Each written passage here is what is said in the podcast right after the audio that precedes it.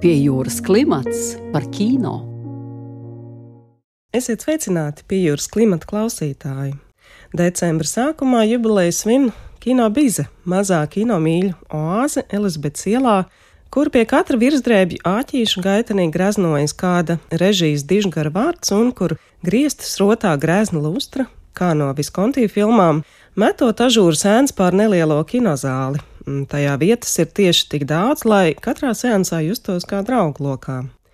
Šogad kinoteātris svin jau desmito gadu kopš dibināšanas, un svinību galvenais varonis būs neatkārtojamais un vienreizējais krāsu, temperamenta un drāmas virtuos spāņu režisors Pedro Almodovars.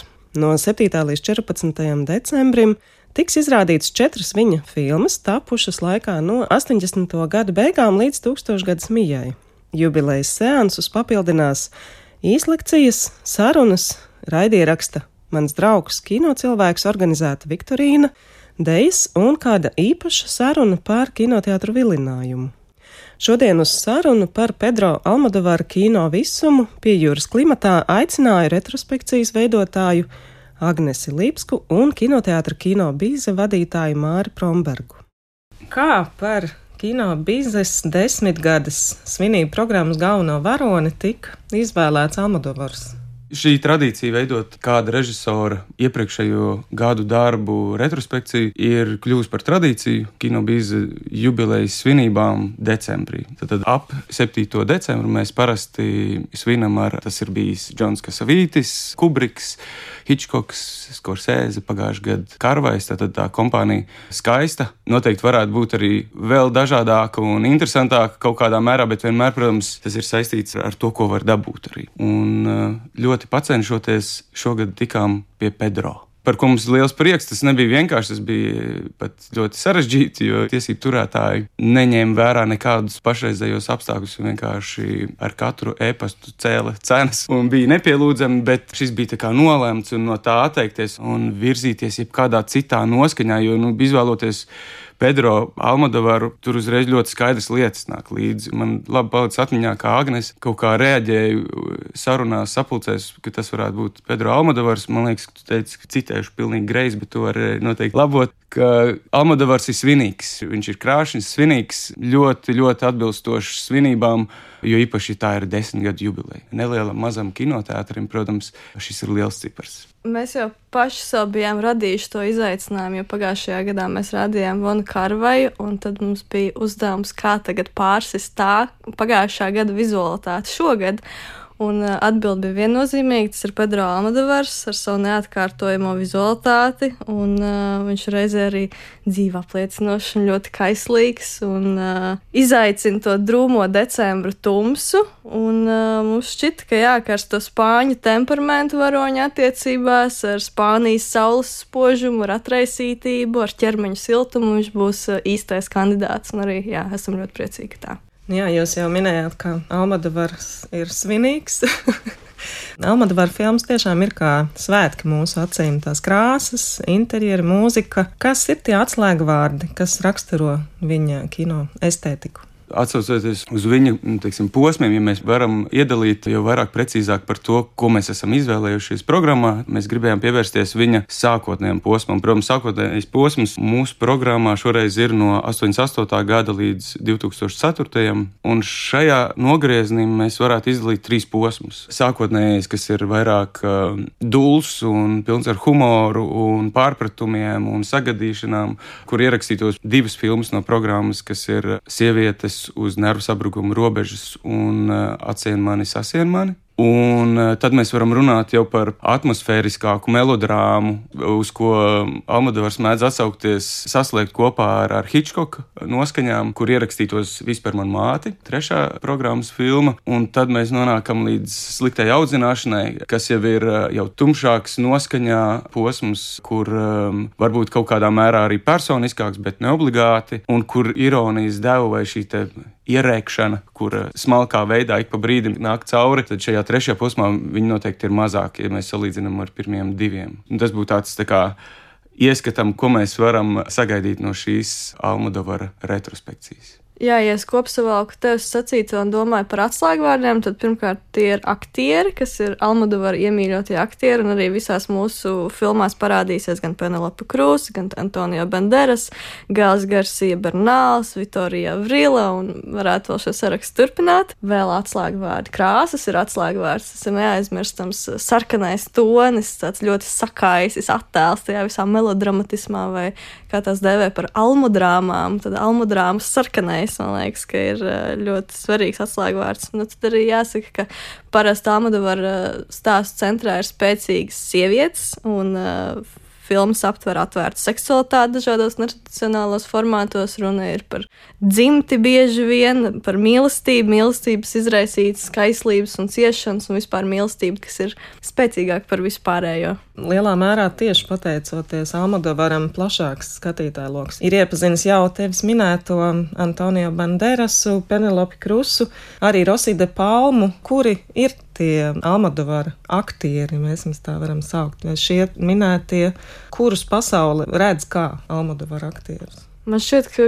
te jau viss šie nosauktie, sākot ar Penelopu Krūsu, manuprāt, kura tapa par pasaules slavenu aktrisi tieši pateicoties Almodovaram, un līdzīgi arī Antonija Banderas, manuprāt. Karmen Mauru mēs noteikti mm. varam minēt, kura ir viena no mīļākajām Almodovara aktrisēm septiņās filmās, jo īpaši šo pirmo desmitgāžu mūza režisoram un ap kuru tika veidotas personāžu filmu. Un, uh, Viņi gan beigās ir arī saskandalējušies veiksmīgi, bet uh, šie noteikti ir tie galvenie vārdi. Katrā ziņā runājot par viņa aktieriem vai viņu trupu, ko šādi mēdz arī teikt, bieži vien šis kolektīvs, kurš ir ceļojis, vai nu tie ir festivāli vai kādi citi pasākumi, viņi kļuva par tādu kā Almodovaru bandu. Viņi, viņi bija konstanti kopā, jo Almodovars arī filmas veido vienkārši apskaužamu regularitāti. Tas nozīmē, ka šī satikšanās, atkal satikšanās aktieriem ir bijusi diezgan regulāra. Un Almodovars arī atzīst, ka uz jautājumu, vai tā ir priekšrocība vai apgrūtinājums, ka tu strādā ar jau pazīstamiem aktieriem, viņš šo atzīst kā tiešām kā priekšrocību. Jo tu zini, ar ko tu strādā, abi zina, ko no viens otru var apmēram sagaidīt, vai kāds ir darba stils. Un Almodovars ir ļoti prasīgs un autoritārs un, un visu izdomājis līdz sīkumam jau iepriekš, gan uz papīra, gan arī iepriekš strādājot strādājot ar aktieriem pirms došanās uz filmu veidošanas laukumu. Šī sadarbība ir palīdzējusi samazināt laiku, kas nepieciešams, lai vienkārši aprastu vienam pie otra. Almodovara filmu varoņi nāk no sabiedrības grupām, kas ierasti redzams otrā plāna lomās, sākot no mājasēmniecēm, altāra zēniem līdz LGBT komunas pārstāvjiem, transpersonām, pornozvaigznēm. Kā jūs komentētu šādu akcentu pārbīdi no, teiksim, Holivudai pierastākas tradīcijas vīriešiem? spēka gados kā galvenajiem varoņiem, ko kino no tā iegūst? Man tomēr šķiet īpatnēji, ka viņš visus šos cilvēkus savos stāstos rāda ar tādu lielu vieglumu, nepiespiestību, un tam nav tādas pretenciozitātes klāt. Viņi netiek rādīti ar mērķi šokēt, vai izaicināt, vai provocēt, vai kaut kā izpildīt to laikmatīgo uzdevumu, rādīt iekļaujošu sabiedrību. Viņam tā interese nāk ļoti dabiski par šiem cilvēkiem, un šie cilvēki viņa pasaulē nav outsideri, viņi ir uzmanības centrā. Un savā veidā sanāk, ka viņš to undergroundu padara par pamatstraumi. Man patīk, sonora ar kādu balss vieglumu un maigumu. Tu saki, transpersonas, pornozvaigznes, narkomāni.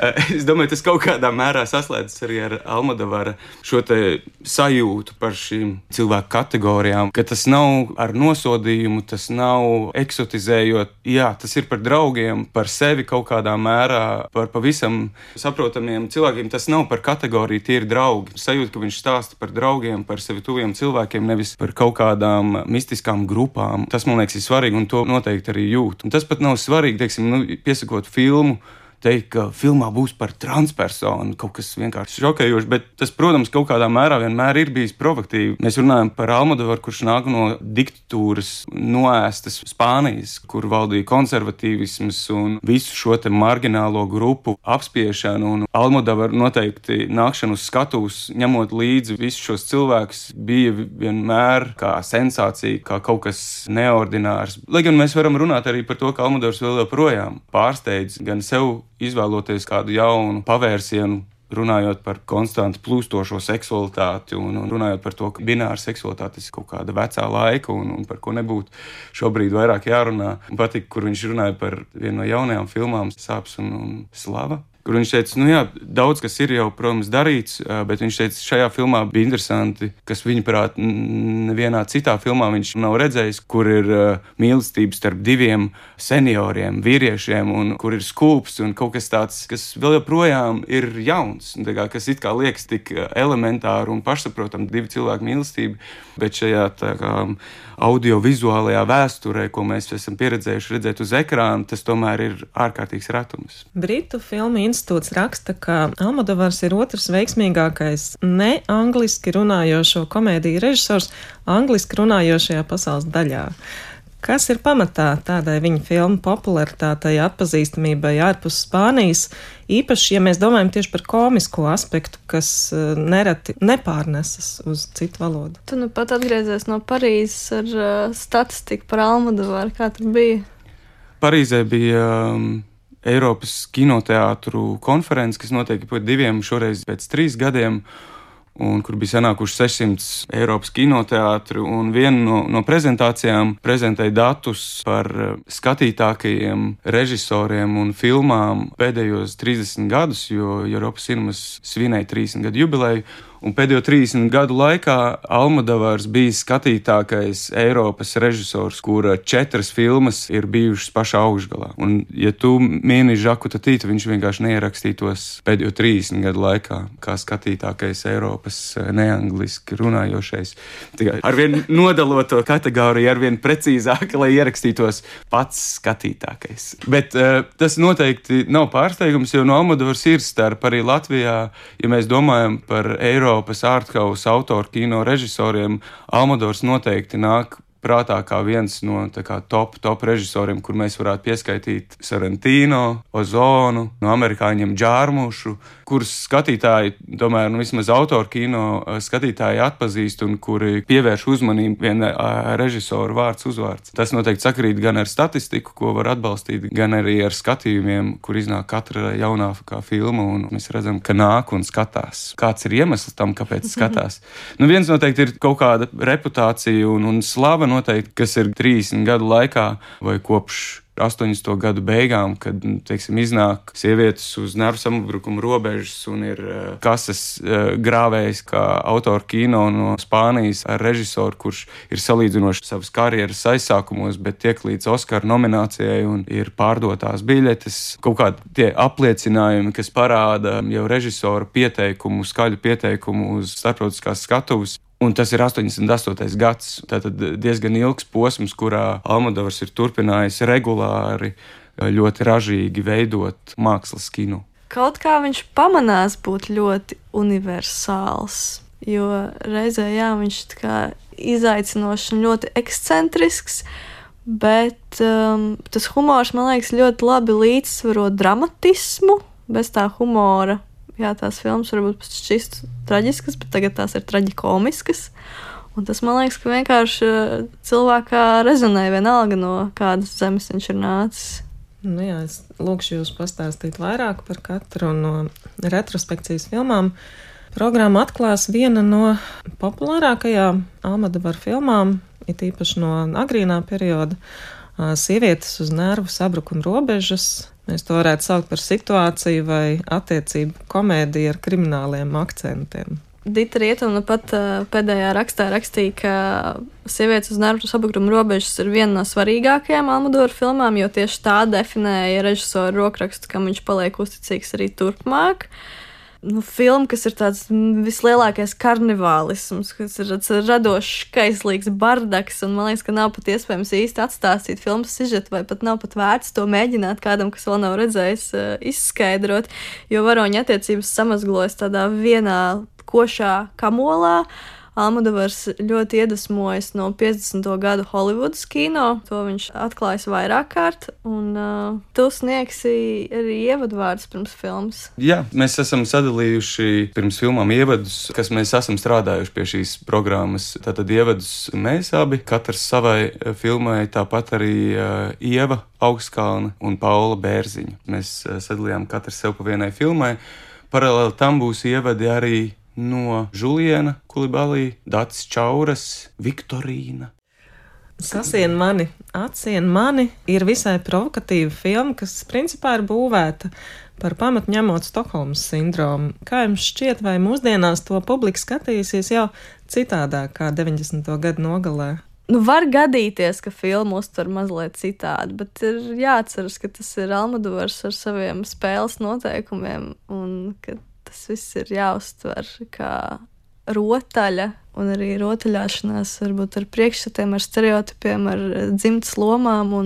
Tas, ko mēs redzam, viņš jau pats to nemaz neuztver tik ļoti nopietni. Un arī mums tas nav jāuztver tik nopietni. Jā, pilnīgi noteikti. Mums ir jāatcerās, ka mēs joprojām skatāmies Almadovaru filmu, kur um, izējas pozīcija ir um, bērnība pavadot sieviešu vidū laukos un vide, kas viņā ir kā, reģistrēta uz turpmāko viņu dzīvi, uz turpmāko viņu karjeru, ko mēs redzam šo mīlestību šīm sievietēm um, attiecību kārtošanu mājas vidē ir kaut kas, kas ir ļoti tuvs Almadovaram un, un ko viņš regulāri izspēlē savās filmās. Un arī šajā filmā, te, protams, vairāk nāk iekšā jā, šī kriminalitāte un, un spriedze. Un vēl joprojām mēs runājam par attiecībām, kuras vienkārši ir novestas līdz tādai noteiktai radikalitātei eh, šajā gadījumā. Un, protams, kaut kas liekas varbūt dažkārt pat traku, bet uh, nu, tieši tāpēc viņš arī ir bijis tik interesants un aizraujošs, ka viņš vienmēr cenšas uh, mazliet provocēt un bīdīt šīs robežas un bakstīt uh, skatītāju. Mēs ieejam iekšā seansā skatīties Almadavaru ne jau kā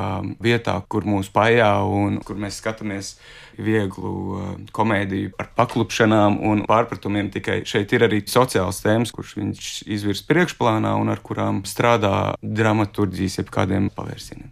Viss par manu māti, līdzīgi kā citās Almadavar filmās, pārklājas filmas un teātra telpas, neiztrūkstot arī atsaucēm uz kino klasiku. Un vienlaikus šī ir jau būtiski nopietnāka filma, kas skar HIV tēmu. Agnese, tu teiksi ievadvārdus šai filmai.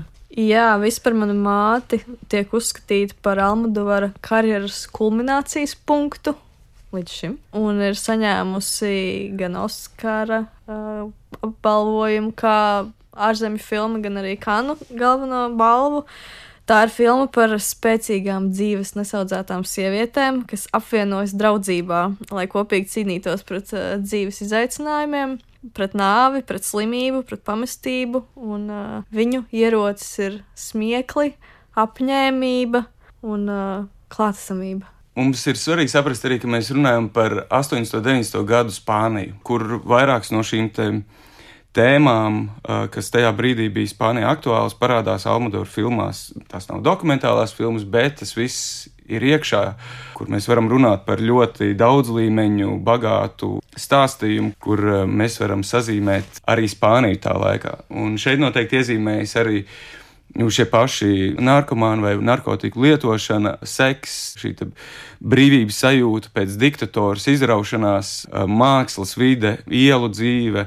Tāpat laikā arī HIV aids, kas ne tikai, protams, Spānijā, arī Francijā un citviet bija liela problēma, kas bija kaut kas, kas parādījās ar 80. gadu sākumu, un tad uz 80. gadu beigām, 90. gados šie briesmīgie rezultāti par to, cik daudz bija saslimstība, cik augsta un cilvēki apkārt mīra un mēģināja saprast, kas vispār šis ir un, un kā ar to cīnīties. Tad, tad līdz ar to mēs redzam, kaut vai tajā pašā 88. gadā, kur parādās kondoma reklāma, kurioza pa vidu attiecību drāmai vai vispār man māti, kur ir tēls, kas saslimst un mirst. Šie ir tādi mazie signāli, reģistri laikam, lai mēs saprastu, no kurienes šī filma nāk un, un kas bija aktuāls. Kaut kad pirms pāris dienām ziņās parādījās, ka Latvija šobrīd ir viena no Eiropas valstīm ar sliktākiem HIV rezultātiem. Protams, šo um, savilkt kopā 90. gadu beigu filmu ar 2022. gadu Latvijā, protams, ir skumji, uh, bet nu, iespējams, ka mēs arī redzam, ka pēdējo gadu politiku, kur veselības mācība ir izņemta no skolām, un mēs kaut ko mēģinām slēpt un mēģinām būt kaut kādā veidā likumīgāk nekā mums vajadzētu būt.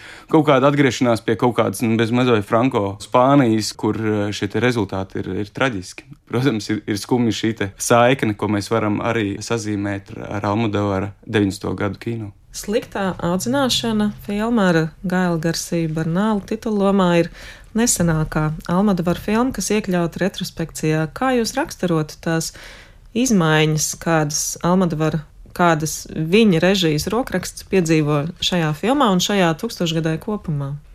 Man šķiet, ka izmaiņas sākas jau ar iepriekšējo filmu, ar vispār manu māti, un turpinās arī sliktajā audzināšanā, kad uh, režisors attālinās no komēdijas un pievēršas drāmai. Un šajā gadsimtā viņš kļūst par drāmu režisoru. Un, acīm redzot, tā, jā, tā dzīves pieredze tomēr uzliek kaut kādu lielāku smagumu attiecību stāstiem.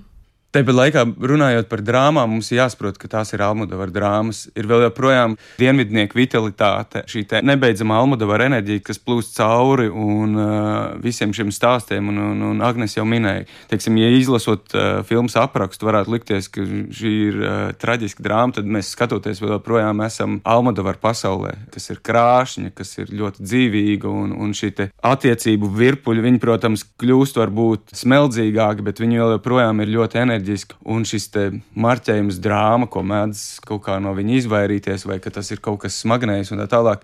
Jā, ja mēs viņu apzīmētu kā žanru, tad tā drīzāk būtu Almadavara drāma vai Almadrāma. Almadrāma jā. Jā, jā.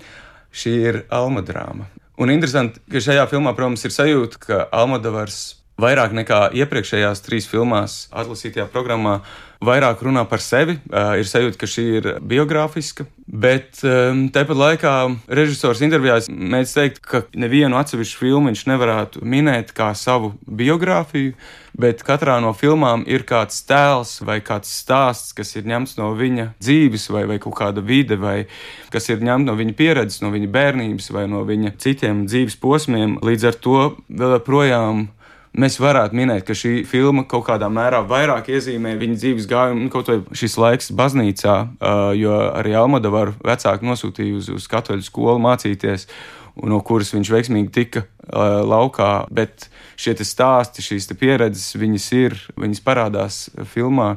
Un arī tālāk viens no, no šiem varoņiem arī kļūst par režisoriem, vai Almadavars norāda, ka šis ir Pedro sliktajā audzināšanā tas vēl joprojām paliek atklāts jautājums, jo, protams, tā vēl joprojām ir fikcija. Tie ir stāsti, dažādi stāsti, kas ir summējušies šajā vienā filmā. Kad un kāda jums abiem bija pirmā iepazīšanās ar Almadabaru kino?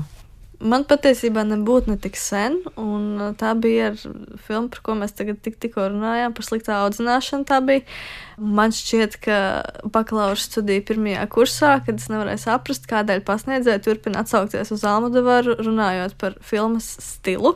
Noskatījos slikto audzināšanu, un man iemirdzējās gaismiņa prātā filmu, ko es tagad atceros kā tādu siltu temperatūras sapni. Šķiet, ka viss ir saprotams, bet nekas nav saprotams. Tāda mazliet uh, seriāla noskaņa, um, visam pāri ļoti silts attēls. Uh, man pirmā bija Almadovara filma Atgriešanās, kur viena no galvenajām lomām ir Penelope Krusai. Un uh, man šķiet, ka es viņu redzēju kā sunī. Lielisks jā, lielisks kino, šī vide, sieviešu sarunas kapos, kur šī saruna jā, ir pārnesta uz konkrētu vidu, un kaut kādā mērā iespējams mēs varētu saslēgties arī ar šo specifisko tradīciju, kas ir raksturīga Spānijā, bet arī pie mums. Un šī ir vide, ko, jā, ko Almodovars ir aizguvis no, no savas pieredzes, no bērnības, kur viņš pavadīja kopā ar apkārt ar, ar sievietēm, vai tā bija ģimene vai, vai tuvākie rādi un draugi, bet jā, šī vide, kurā viņš uzauga un kas viņam ir tuvu un ko viņš arvien no jauna, neatkārtojot, bet citos kontekstos ielieku, jau vairāk apdzied un, un, un izspēlē. Un atgriešanās ir jā, šī mazpilsēta, šie stāsti, šīs tikšanās, šī kopiena, šī kopā dzīvošana, it kā no dažādām ģimenēm, bet veidojot šo vienoto un jā, brīnišķīgā Penelope Krusa.